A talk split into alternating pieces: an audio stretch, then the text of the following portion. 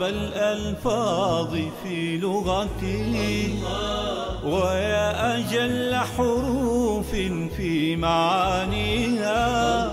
يا أمتع الأسماء كم سعدت نفسي وفاض سروري حين أرويها. أنسي وبستاني وقافيتي يا زينة الدنيا. وما فيها. يرتاح قلبي حين يسمعها وحين أبصرها نقشا وأمليها. الله الله يا الله الله يا لما خلق الله عز وجل آدم وعلمت الملائكة بأنه مخلوق جديد كائن جديد سيعيش في الأرض. قالت الملائكة لربها قالت أتجعل فيها من يفسد فيها ويسفك الدماء ونحن نسبح بحمدك ونقدس لك. قال إني أعلم ما لا تعلمون. الملائكة تقدس الله جل وعلا لأن الله عز وجل هو القدوس.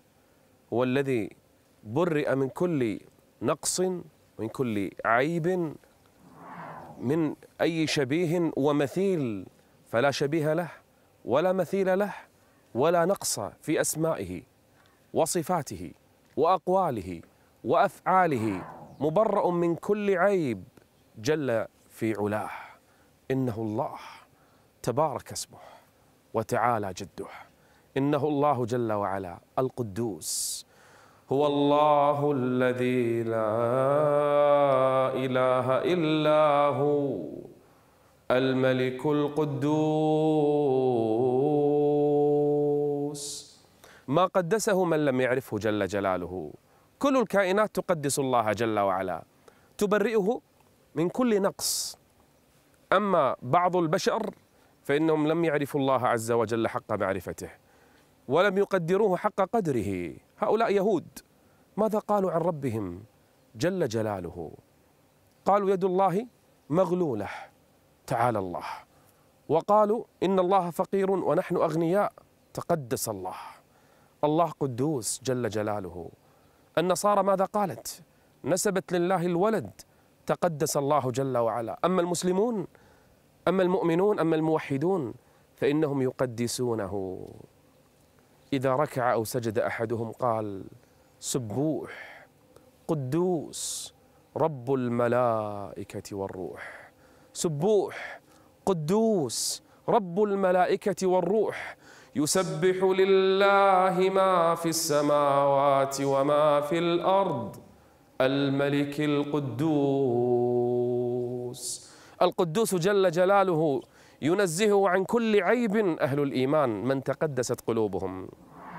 تريد أن يرفعك الله عز وجل ويجمعك بالنبيين والصديقين والشهداء والصالحين.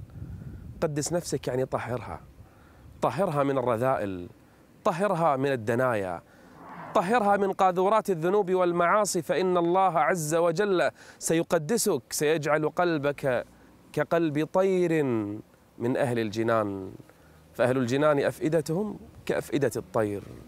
إنه القدوس يا الله ما أجمل الكلمة وما أعظمها فلا نقص ولا عيب بل الكمال كله في أسمائه وصفاته وأقواله وأفعاله جل جلاله. الله يا الله الله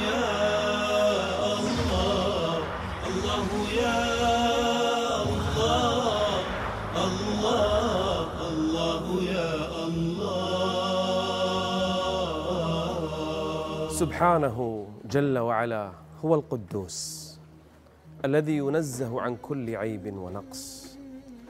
كيف يؤمن العبد بأن الله عز وجل قدوس ويظن به ظن السوء؟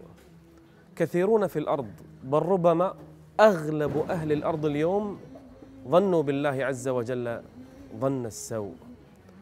كل أهل الأرض إلا القليل إلا أهل الإيمان فقط وليس كلهم. من آمن بالله حقا وإلا أغلبهم يظنون به غير الحق يظنون به ظن الجاهلية ويعذب المنافقين والمنافقات والمشركين والمشركات الذين يظنون بالله غير الحق ظن الجاهلية.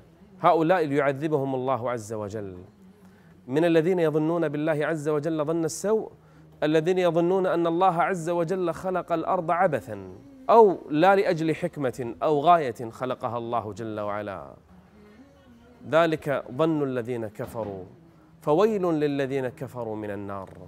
كل من ظن بالله عز وجل ظنا من ظن السوء فإنه لم يقدس الله جل وعلا. من نسب لله الولد أو الصاحبة لم يقدس الله عز وجل. هو الله الذي لا إله إلا هو الملك القدوس الذي ينزه عن كل عيب. عن كل نقص جل وعلا. من نسب لله الشريك لم يقدس الله جل وعلا. من ظن أن الله عز وجل فعل هذا لغير حكمة أرادها لم يقدس الله عز وجل. ذلك ظن الذين كفروا. فويل للذين كفروا من النار. في أكثر من دليل الله عز وجل يربط اسمه القدوس باسمه الملك جل وعلا.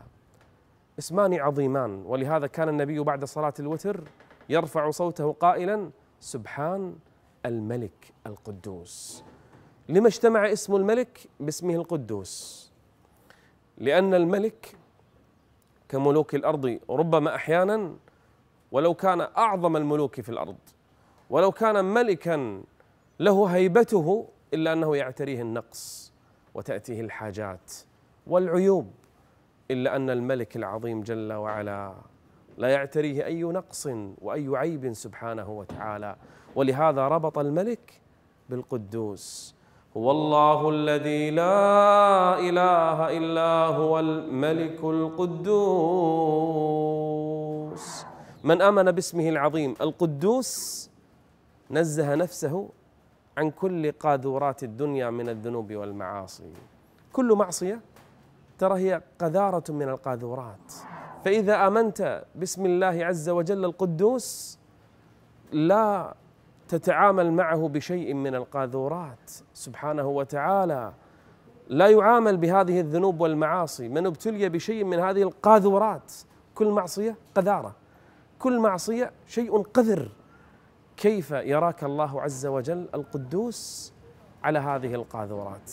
من آمن باسمه القدوس جل وعلا هذا الاسم العظيم فإنه لا يتعامل معه إلا بشيء طيب والله طيب لا يقبل إلا الطيب تبارك اسم ربنا القدوس. الله يا الله الله يا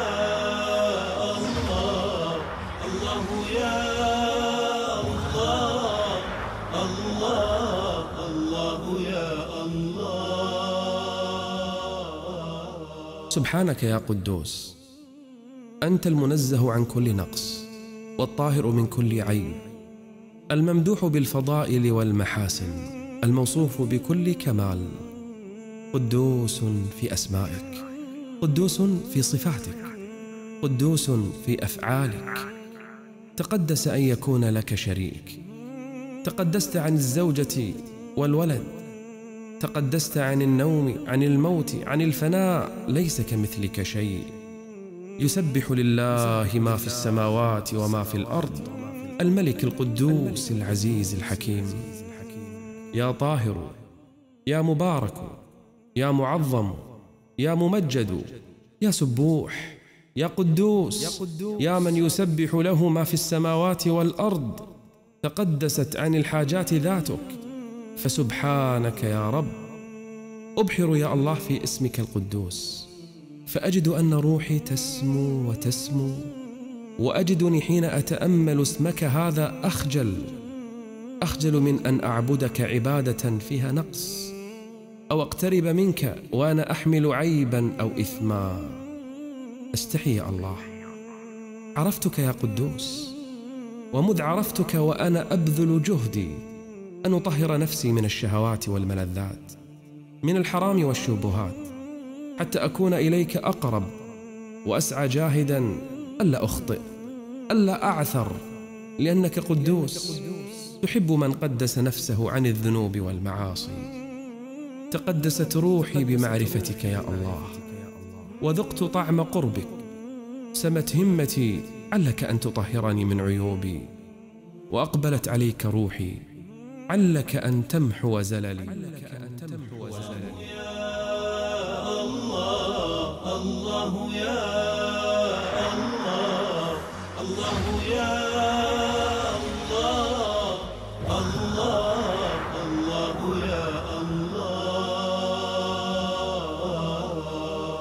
الله عز وجل هو العزيز.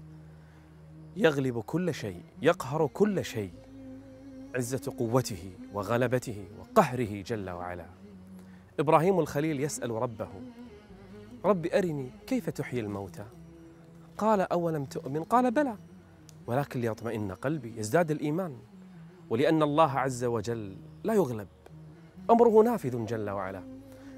أمر إبراهيم الخليل أن يأخذ طيرا أربعة من الطير فيقطعهن ويجعل على كل جزء كل جزء من هذه القطع على جبل ثم ادعهن يأتينك سعيا. ماذا قال الله في النهاية؟ واعلم أن الله عزيز عزيز حكيم من كمال عزته جل وعلا. إذا أراد شيئا أن يقول له كن فيكون. وصل المشركون إلى رسول الله وأبو بكر معه في الغار. قال لو نظر أحدهم إلى قدمه لرآنا. خلاص الأمر انتهى. يعني كل هذا الطريق إلى هذا الغار أكيد بيشوفون شو اللي فيه. طبيعي. يعني ما ما جو في صحراء إلى هذا المكان إلى هذا الغار إلا على الأقل يبي الواحد يطالع تحت ويشوف. لكنه عزيز جل وعلا. قال لا تحزن. يقول النبي لا تحزن. إن الله معنا. فأنزل الله سكينته عليه وأيده بجنود لم تروها. والنتيجة؟ وجعل كلمة الذين كفروا السفلى. وكلمة الله هي العليا. والله عزيز. والله عزيز حكيم. أخذ النبي حصيات في غزوة بدر فرماها في وجوه المشركين وقال بسم الله شاهت الوجوه وما هي إلا ساعات نصرهم الله. وهم قلة أذلة لا عد ولا عتاد لما؟ لأن الله عزيز جل وعلا. من يريد العزة لا تذهب يمنة ويسرة. ترى العزة كلها كلها عند العزيز جل وعلا. من كان يريد العزة فلله العزة جميعا. كل العزة من الله جل وعلا. لما رجع المنافقون إلى المدينة في إحدى المعارك قال كبيرهم لئن رجعنا إلى المدينة ليخرجن الأعز منها الأذل. ما كان يدري هذا الغبي الجاهل أنه ولله العزة ولرسوله وللمؤمنين ولكن المنافقين لا يعلمون. الله عزيز ويعطي عزته من شاء من خلقه. يعز من يشاء ويذل من يشاء. الله جل وعلا هو العزيز الذي لا يغلب ولا يقهر جل وعلا. وامتنع عن أي صفة من صفات النقص فصفاته كلها كمال. قد امتنعت عن أي نقص.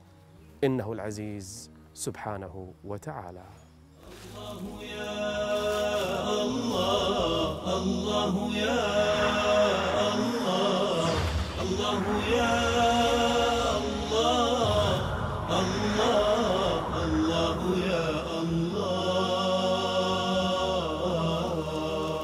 ما نراه في الكون الفسيح من نجوم وكواكب ومجرات ومجموعات تسير في أفلاكها في مساراتها.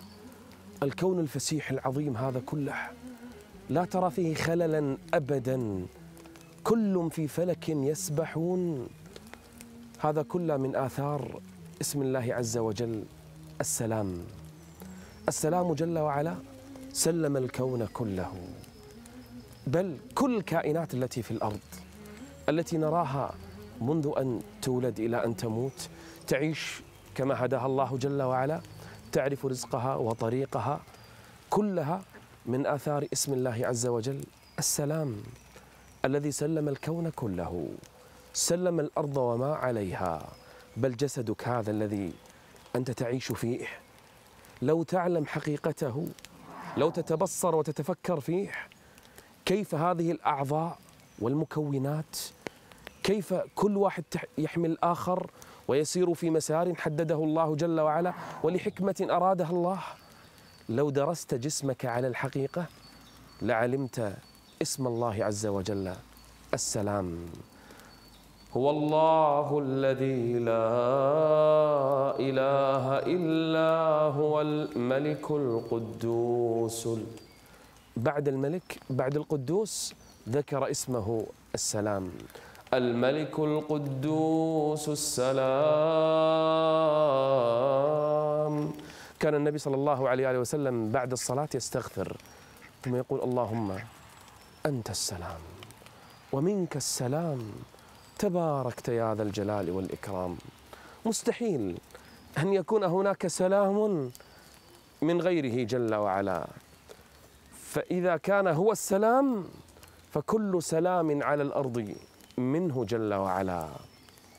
من معاني اسم الله عز وجل السلام أي أنه جل وعلا سالم من كل نقص وعيب في أسمائه في صفاته في أفعاله جل وعلا فلا عيب فيها ولا نقص فيها فهو السلام جل وعلا. سلم كل الخلائق من ظلمه فقد حرم الظلم على نفسه وجعله بين خلقه محرما. كل الخلائق إنسها وجنها جمادها وحيها كلها قد سلم من الظلم من ظلمه جل وعلا فهو السلام. السلام الذي حرم الظلم بين الناس وجعل أفضل المسلمين والمسلم من سلم المسلمون من لسانه ويده الذي سلم أولياءه وأنبياءه من الاعتداء والظلم إلا لما أراده الله لحكمة فقد عصم أنبياءه وأولياءه فما أعظم اسم الله السلام. الله يا الله الله يا الله الله يا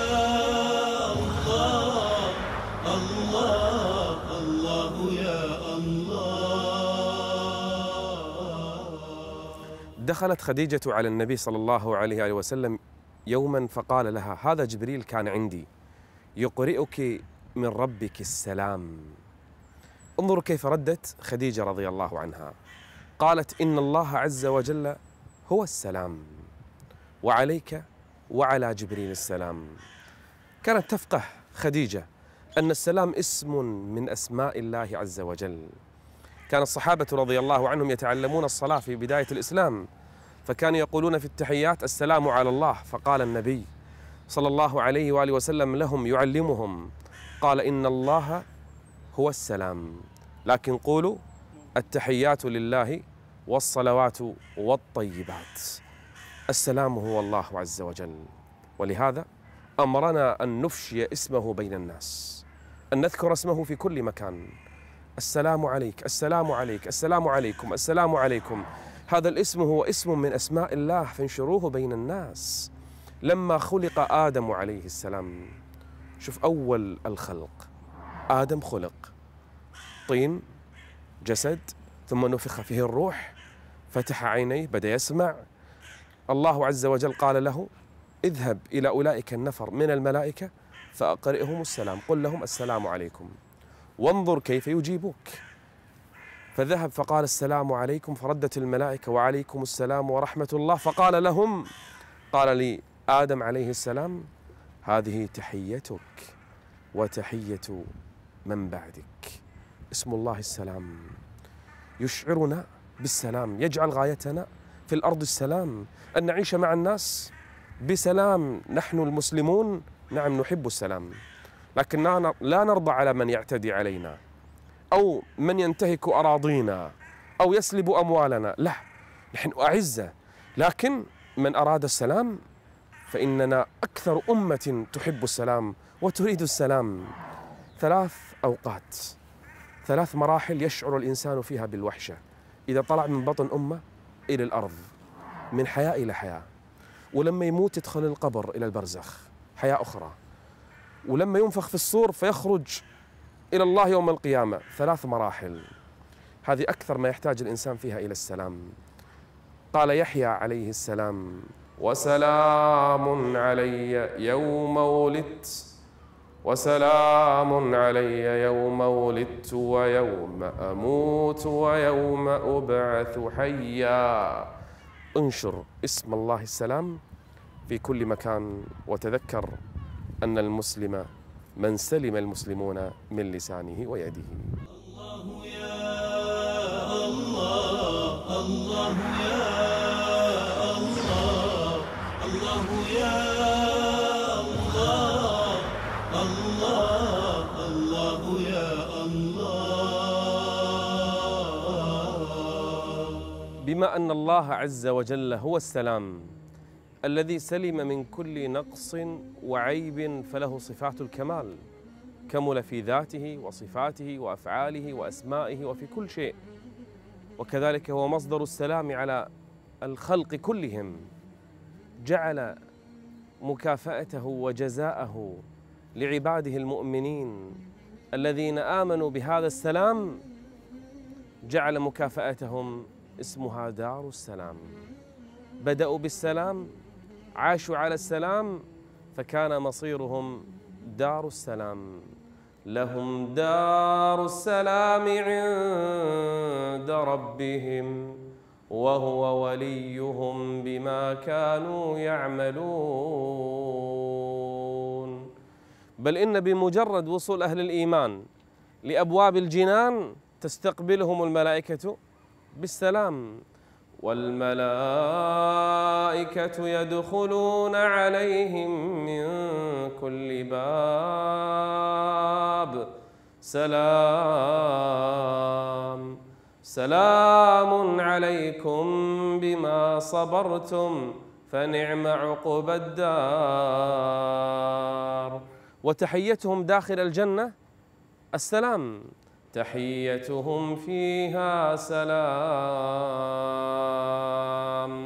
فهم عاشوا على السلام ونشروا بينهم السلام وآمنوا بالسلام وماتوا على السلام ووصلوا إلى الجنة بسلام ودخلوا دار السلام. وهم في تلك الجنة يهنؤون بالسلام وسميت دار السلام الجنة لأنها سلمت من كل آفة وعيب ونقص وشر وما ينغص عليهم فالجنة كمل فيها النعيم. فجأة إذ يناديهم الرب عز وجل لما هو مزيد عليها. وأي مزيد فوق الجنة أن يروا ربهم السلام. فأول ما يسمعون من ربهم أن يسلم عليهم فيقول السلام عليكم يا أهل الجنة.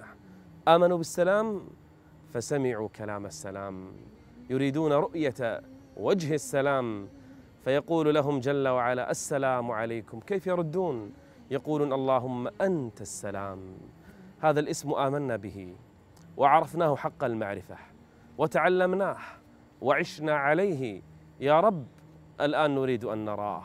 اللهم أنت السلام ومنك السلام. تباركت يا ذا الجلال والإكرام. لن تدخلوا الجنة حتى تؤمنوا. ما في طريق للجنة إلا بالإيمان. ولن تؤمنوا حتى تحابوا. أفلا أدلكم على شيء إذا فعلتموه؟ تحاببتم. تعرف ما هو الطريق لدخول الجنة؟ أفشوا السلام. أفشوا السلام بينكم. فما أجمل الإيمان بهذا الاسم وما أجمل التعلق بهذا الاسم؟ فإن من عاش عليه دخل جنة ربه. دار السلام.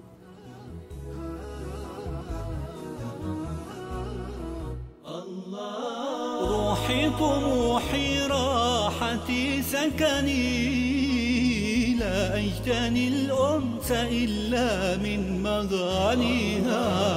أجمل ما نتلوه أحسن ما يروي ضمائرنا طهرا ويسقيها. يا سوة للقلب يا أملا يرى المحب أفانينا المنى فيها. إن جاءت الدنيا بضائقة فالجأ إليها ففيها ما يجليها.